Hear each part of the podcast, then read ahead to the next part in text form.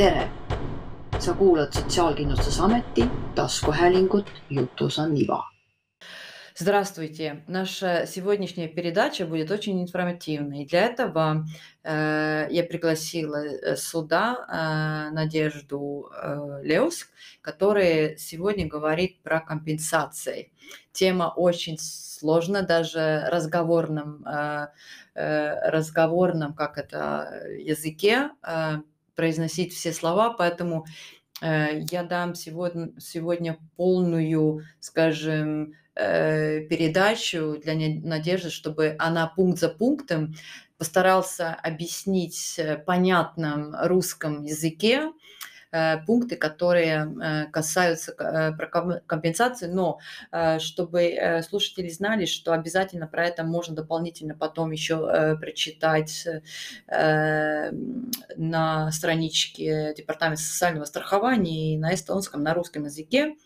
Поэтому, если что-то не осталось ясным, тогда или прочитать там, или, конечно, всегда помогают консультанты. Надежда, здравствуй. Добрый день. Э, ну, э, понятно, что, как ты уже говорил, что это не твоя основная тема, с чем ты занимаешься, э, а может быть даже это хорошо, что ты постараешься сегодня про это говорить, потому что чтобы поняла, может быть, и человек, который слушает и хочет понимать как-то очень простым языком э, про компенсации, так что ты немножко это всего уже изучала, там э, перевела тексты на русский э, язык, так что сейчас посмотрим, как у тебя удается говорить о том, что не твоя каждодневная работа. Да, такая честь для меня говорить сегодня на сложную, но очень важную тему. Я тоже хочу добавить, что если что-то останется недопонятым, да, потому что действительно непростая тема, смело звоните. Каждая, каждая ситуация уникальна, и попробуем разобраться вместе. И эм, э, мы говорим о, о том, что 1, с 1 апреля э, что-то изменился в компенсации. Объясни, э, Надежда, что именно? Да, э, на законодательном уровне вступили, вступил в силу ряд таких важных изменений в отношении родительских компенсаций и родительского отпуска вообще в целом. И цель этих изменений прежде всего ну, предоставить семьям еще больше поддержки в первую очередь и э, гибкости, я бы сказала, при воспитании детей, чем это было раньше. И среди прочего, то, на чем мы сегодня да, держим наш фокус, э, данное изменение ведет к тому, что может привести к тому, что те дети, которые по какой-то причине не могут жить э, в своей кровной семье и нуждаются в замещающем попечении, могли жить в приемных семьях, нежели в учреждениях. И так, у таких семей э, есть возможность получить отпуск усыновителя, он так называется, э, и э, компенсации как семьям, которые усыновляют, так и семьям-попечителям. Это очень важный момент, который изменился, потому что до сих пор возможность компенсации отпуска была только у той семьи, которая усыновляет ребенка. Там тоже есть свои изменения, о которых я буду немножечко говорить. Но я хочу отметить, что сегодня эта возможность, начиная с 1 апреля, есть у попечителей. Это очень важный момент.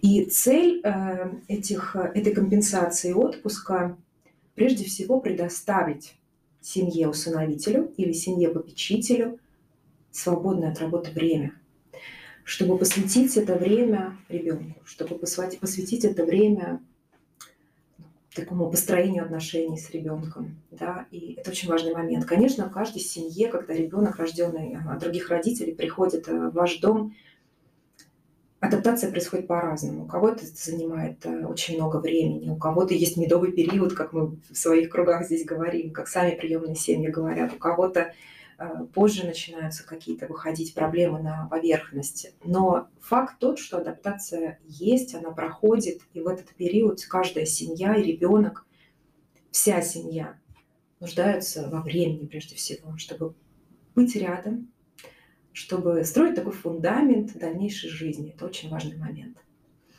И, как я уже ранее сказала, да, расширяются эти, расширяются эти возможности, э, не только они вот э, предоставляются усыновителям семьям.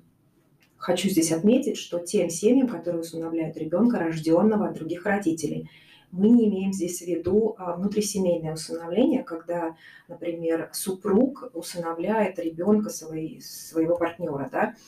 Здесь мы говорим все-таки про тех, о тех детках, которые рождены в другой семье. И э, возможность получить эту компенсацию отпуск есть как у усыновителя, так и у семьи попечителя, которые заключают с местным самоуправлением договор о попечении, да, когда ребенок приходит в семью. И что еще очень важно, на мой взгляд, э, если раньше, например, семьи усыновители могли воспользоваться компенсациями вот этим отпуском до того момента, как ребенку исполняется 10 лет, то есть при усыновлении ребенка в возрасте до 10 лет, то на сегодняшний день это распространяется на тех детка, деток, которые а, до 18 лет. То есть в любом возрасте ребенок. Мне кажется, что это очень важно отметить, потому что ведь э, когда ребенок приходит в семью, это так же, как и при рождении ребенка. Какая разница, в каком возрасте этот ребенок? Будь ему 17 или будь ему 3. Точно так же семья и этот ребенок, они нуждаются в адаптации. Поэтому, мне кажется, это очень важный момент, что вот в этой компенсации в отпуске в течение 70 дней имеет каждая семья, которая открыли двери и свое сердце ребенку до 18 лет. Надежда, о том, что ты говорила про возраст, э, это означает, что дети стали более равными? все дети? Как я думаю, да. Угу. Я думаю, да. И э, дети стали более равными. Мне кажется, что опять мы можем здесь говорить о равном родительстве. Правда? Ведь угу. разницы нет, какая форма родительства. И мне кажется, что это очень важный момент. Когда ребенок рождается в семье, мы тоже можем быть в отпуске какое-то время. Точно так же здесь. Ребенок приходит, очень важна эта адаптация. Перед этого, когда ты будешь говорить про следующий пункт, я еще хотела добавить, что когда я это все слышу, мне кажется, что мы живем в 2022 да. году, и только сейчас мы дошли до этого, но, может быть, надо и так думать, что, слава богу, что дошли до этого. Да, и, и ты, ты знаешь, об этом ведь говорили очень много и давно. Вот особенно я слышала это как раз-таки от э, родителей-попечителей, да, что насколько важен этот период адаптации, это время побыть с ребенком, чтобы не просто уйти с работы, получить эту возможность временно не работать, да, и быть рядом с ребенком. Это очень важный момент. И, конечно, вопросов будет очень много. Что это за компенсация, что это за отпуск? И э, я, я постараюсь немножечко раскрыть эту тему, но я несколько раз опять напомню, что смело звоните, я потом обозначу эти номера телефонов и на нашей страничке все эти контакты. И смело звоните, любой вопрос, глупых вопросов нет. Вместе попробуем решить все эти задачи, которые вас интересуют или, может быть, тревожат. И право на вот эту родительскую компенсацию усыновителя, такое непростое название, да, она как будто бы относится только к усыновителям, но все же нет, попечителям тоже. Э, право на это имеет работающий усыновитель, или попечитель, имеющий право на получение компенсации по временной нетрудоспособности на основании закона о медицинском страховании. И попечитель и усыновитель имеет э, право на отпуск в течение 70 календарных дней. И что очень важно отметить, в дальнейшем, начиная с 1 апреля, э, усыновитель и попеч... или попечитель э, может использовать эту родительскую компенсацию и отпуск более гибко. То есть э, не обязательно взять эти 70 дней сразу, а, их можно брать ну, периодически, время от времени, в течение 6 месяцев э, с момента, когда э, было значит, решение суда вступило в силу об усыновлении, либо когда был заключен договор о попечении с местным самоуправлением. И еще, наверное, важно отметить, что с 1 апреля это теперь не Э, если это раньше был лист нетрудоспособности или больничный лист, как мы раньше говорили, да, то теперь это отпуск, да, и семьи имеют на это право. Это же ведь тоже э, просто как-то слово, не, не просто слово. Отпуски, там... И больничный лист. Больничный, это, это очень большая разница, да. Да, и во время получения родительской компенсации усыновитель и попечитель да, может работать, получать доход, обеспечивать тем самым ну, такую гибкость да, в совмещении а, труда и личной такой семейной жизни, что очень важно.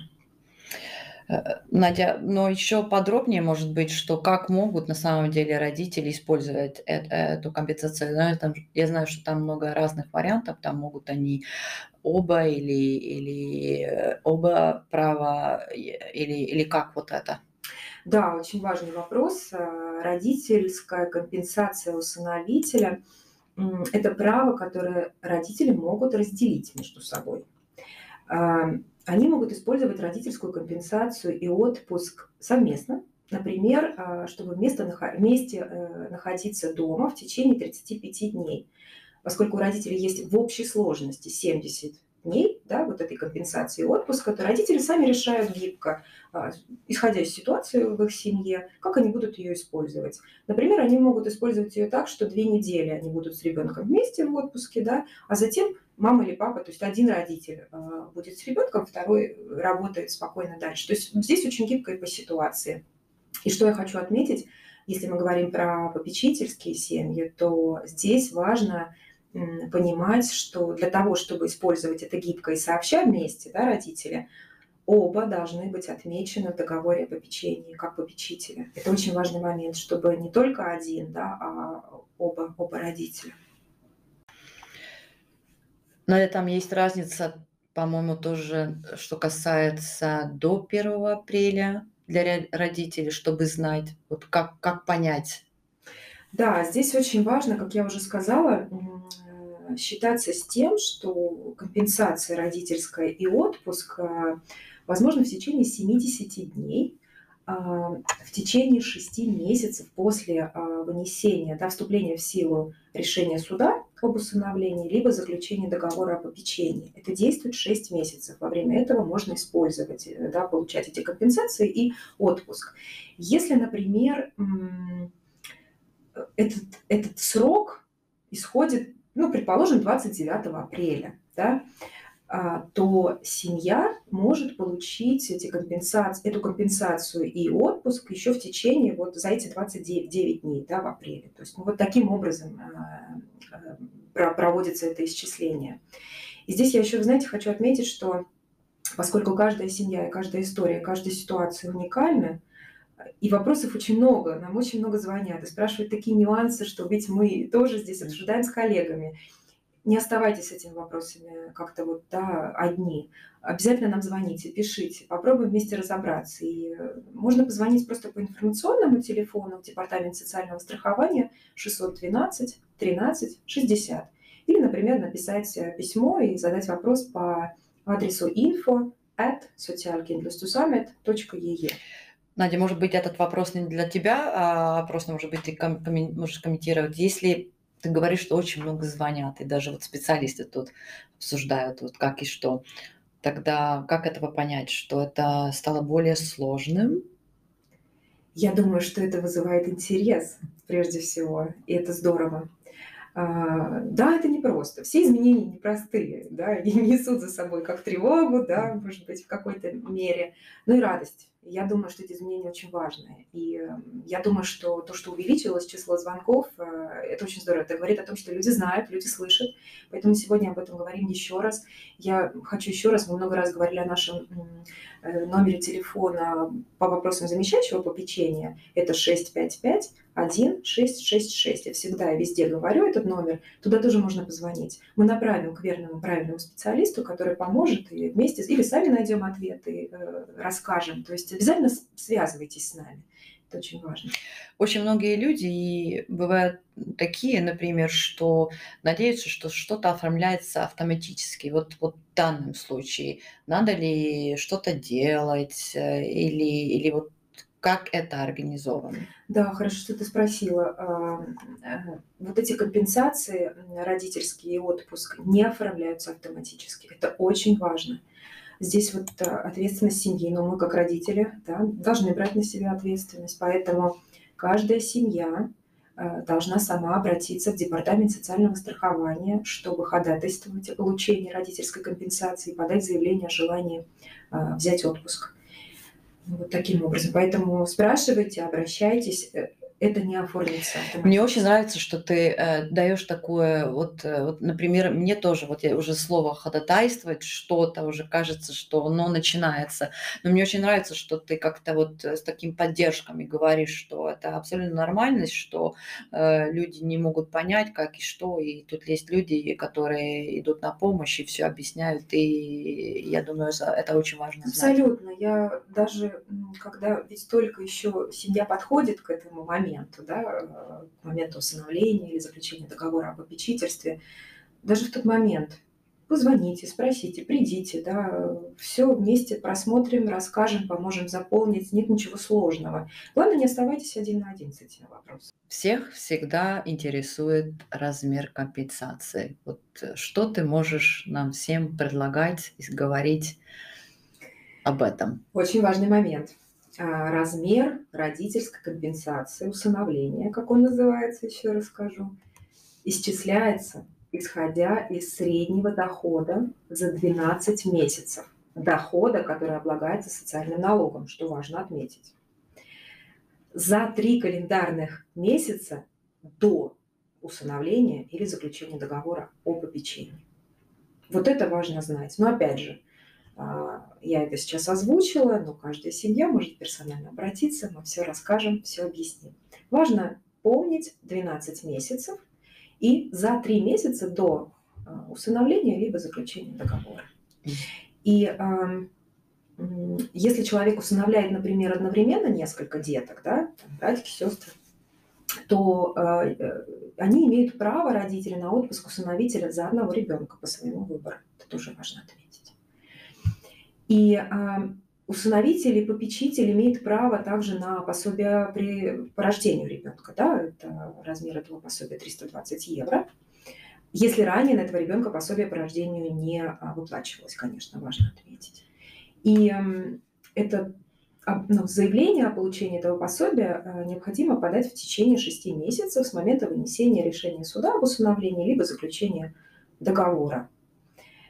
Если усыновителю э, не выплачивается пособие по рождению ребенка за этого же ребенка, да, которым, который усыновляется, усыновитель имеет право на разовое пособие по усыновлению, тоже в размере 320 а, евро, как и по рождению ребенка.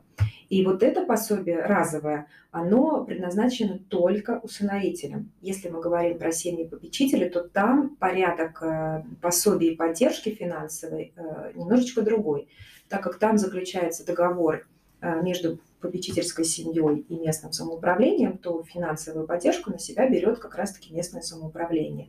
И семья поддерживается таким образом, что ежемесячно на каждого ребенка выплачивается сумма поддержки да, э, на личные какие-то расходы ребенка в размере примерно 240 евро в месяц, плюс э, попечители сами получают пособие в размере половины минимума сегодняшней заработной платы ежемесячно. То есть это тоже очень важный момент, потому что ну, о финансовой поддержке тоже нужно говорить.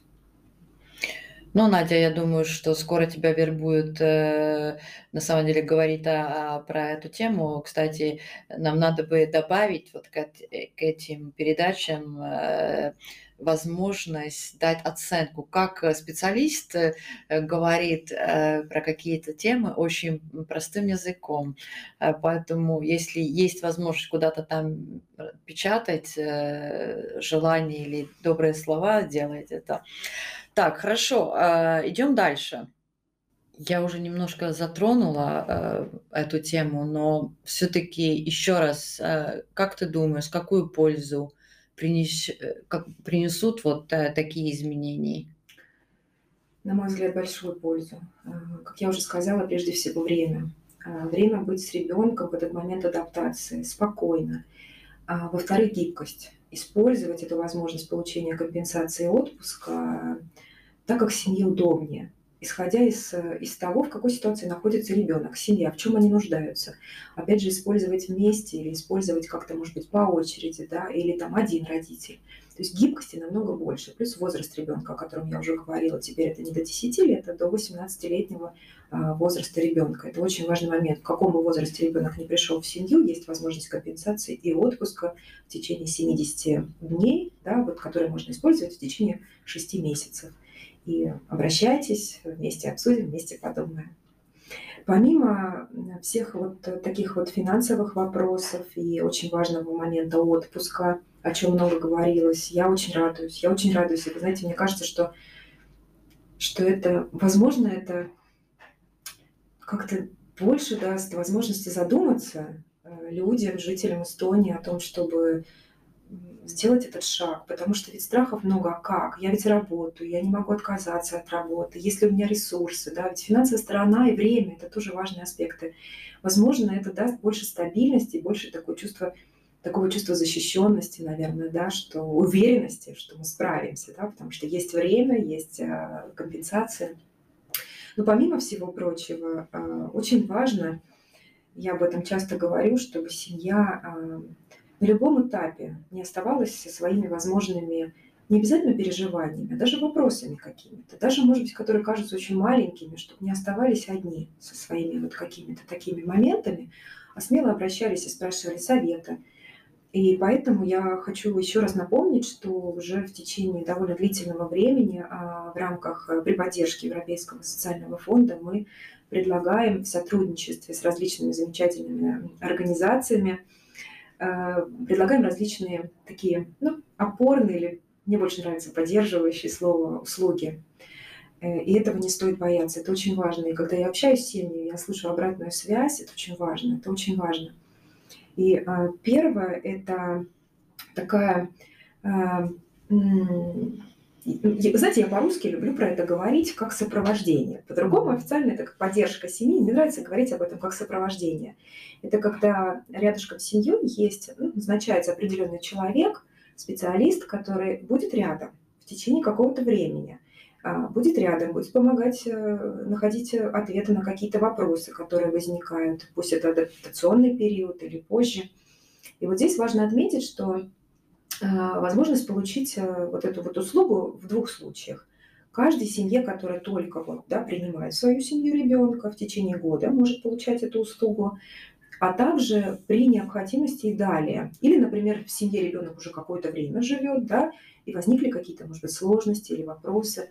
У этой семьи тоже есть возможность получить эту поддержку Э, но в таком случае здесь э, необходимо направление местного самоуправления. То есть вот этот вопрос сотрудничества здесь очень важен. И этого бояться не надо.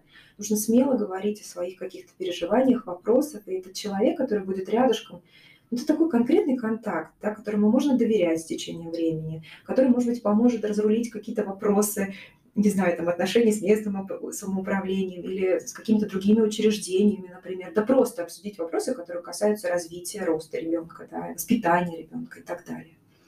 А также психологическая консультация. Это тоже очень важно, потому что, вы знаете, есть вопросы, когда нужна именно профессиональная помощь. Э, пусть это касается воспитания ребенка или, например, даже моментов, как понять ребенка. Ведь ребенок идет, приходит в семью со своим багажом у ребенка есть свои корни, своя история.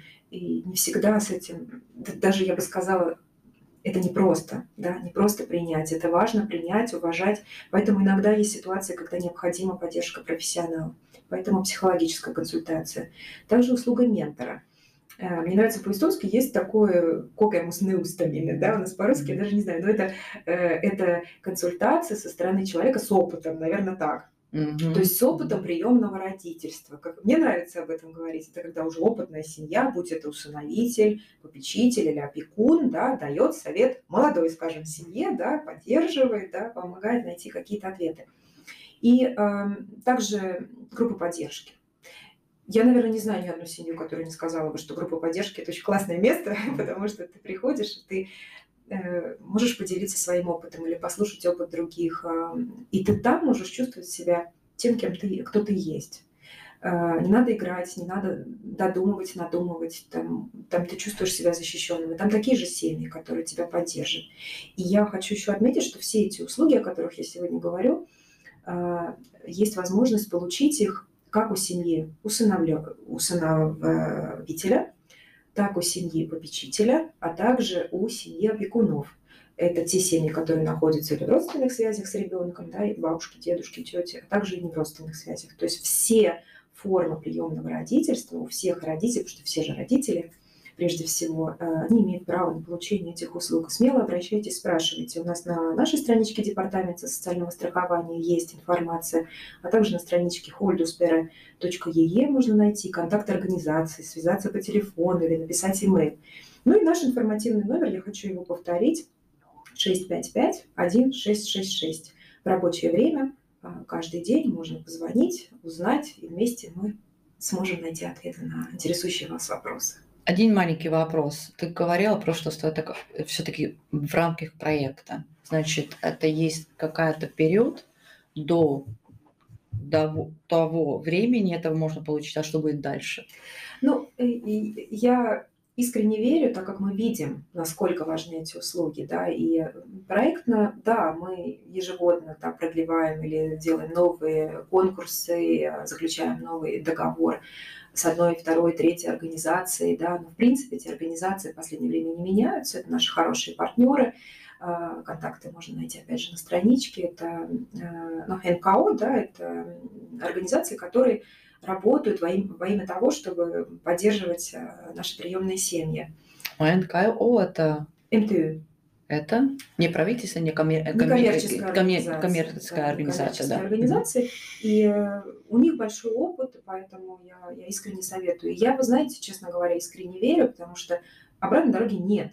Э, мы должны продолжать и работать, и э, направлять все свои силы на то, чтобы эти услуги были и завтра, и послезавтра, и всегда, потому что каждая семья может в один момент в этом нуждаться. Надежда Ляска, спасибо тебе э, сегодня за то, что ты пришла и раскрыла тему компенсации.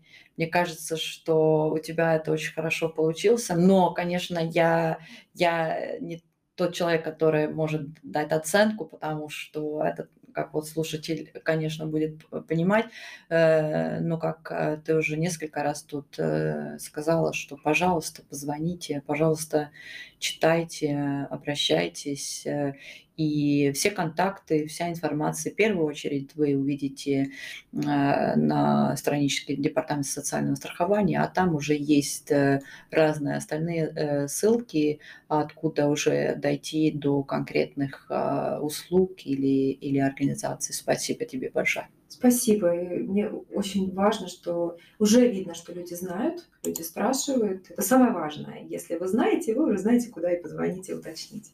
Спасибо, Сирли. meie Sotsiaalkindlustusameti taskuhäälingus Jutus on iva on õige pea jälle uus vestlus. kuulake meid, võtke meiega ühendust, pakkuge ka ise teemasid ja meie leiame inimesed, kes hea meelega teemasid avavad ja oma kogemusi jagavad Te kuulasite Sotsiaalkindlustusameti taskuhäälingut. mina olen Sirle Blumberg ja selle saate salvestas ja lõikas kenasti kokku hea kolleeg Moona Sõukand kommunikatsioonitiimist. Kuulmiseni